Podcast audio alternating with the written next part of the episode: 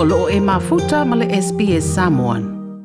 O le whaipule le leipa Julian Hill, le olo o lango lango mā losi le wala awa nisi se toe whaatula ngaina, tū la whono e whaatau tāl sa ngaino visa mō pā angai tono Australia. O le whina wa tangata o na waiei teimi wa wha malosi ai le malanga ese ma Australia, ina ia mawhai eo na tuwina ia visa.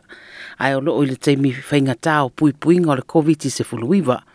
Lea lawa fuafua fua ia le li fai pulo Julian Hill e tu ina se pili le pale le vasa fo e we fata tau le mata upu le nei ina ia toi fatu na iei tu la fono le malanga mai i tunu migration laws.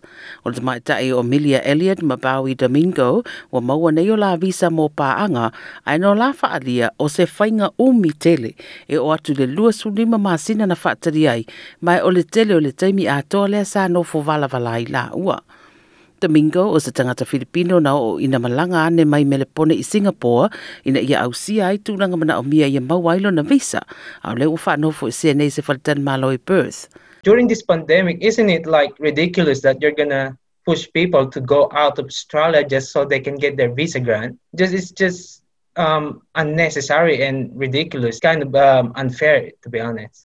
Ola na paanga sa tamaita i mai melepone Amelia Elliott, pa mai o le nei whainga umi wa siria ai le ono afe le tupe na o lātutongina. To finalise this visa and for him to start work, we've got to pay more than $6,000 in a round trip to Singapore and back through quarantine. So it really, it's taken everything from us financially and emotionally. I lalo tu la whono whi malanga i naolo i eile te minei, o i la tau e tālo sanga te tau ona i whafu atu au stādi eile te mia tu i nailo na visa. Ai ose mana umianga lea o lo whapole i nai tangata. ona o la matianga tau le soifua maloloina a meise nisi o tau whaopopo ma whainga malanga ma tau e tutongi le quarantine i le teimi o whamai. Ma mai le whaipule, wa te tau lavona i se suinga i atu la fono. It is a ridiculous situation in a global pandemic when you're saying to a couple who have already been here in Australia, one of you has to leave, take a trip, expose yourself in other countries to a greater risk of catching COVID 19, um, and all the costs that goes with that. O le sofou le na te le pili na ia whaatanga i mo se teimi le tumau lo i au i le atunuu i le teimi nai i nai o visa.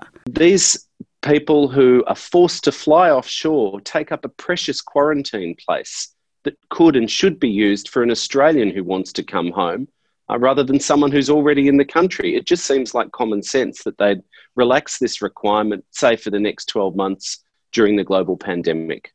O loo langolango fo i lo ia o loo ngā lulue i matafa ioi whaapele nei wala na ia whaia se suinga i tūla O George Lombard na ia whaeloa lona le fia fia i nei tūla Um, look, it's makes no more sense than the government clinging to a series of rules that have existed for years and don't have any basis in social justice. O se pepa o whamitalanga mai le Home Affairs o lo ta wai o lo sila fia le mtanga nwenga mta upu.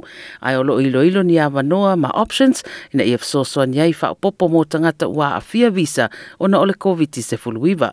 E au fia i visa ta alo sanga mo wha ipoi ponga prospective marriage ma visa wha paanga. O wha ma maunga o pito i lata mai wailo ai wala lata ili se lau wafe ta alo sanga o visa mo paanga o lo o ilo ilo ina le teminei ma o i lātou lo tāsanga mo le visa mai atunu i fafo e leanga wa e whai ngā luenga onga po se bridging visa fo'i. Le lipoti na tu fatsia Shupa Krishnan ma Tom Steiner mo i le SBS News fat liwi na walo la fia i lea fo'i tūlanga. Like, share, ma faali sau finangalo, muli muli i le SBS Samoan i le Facebook.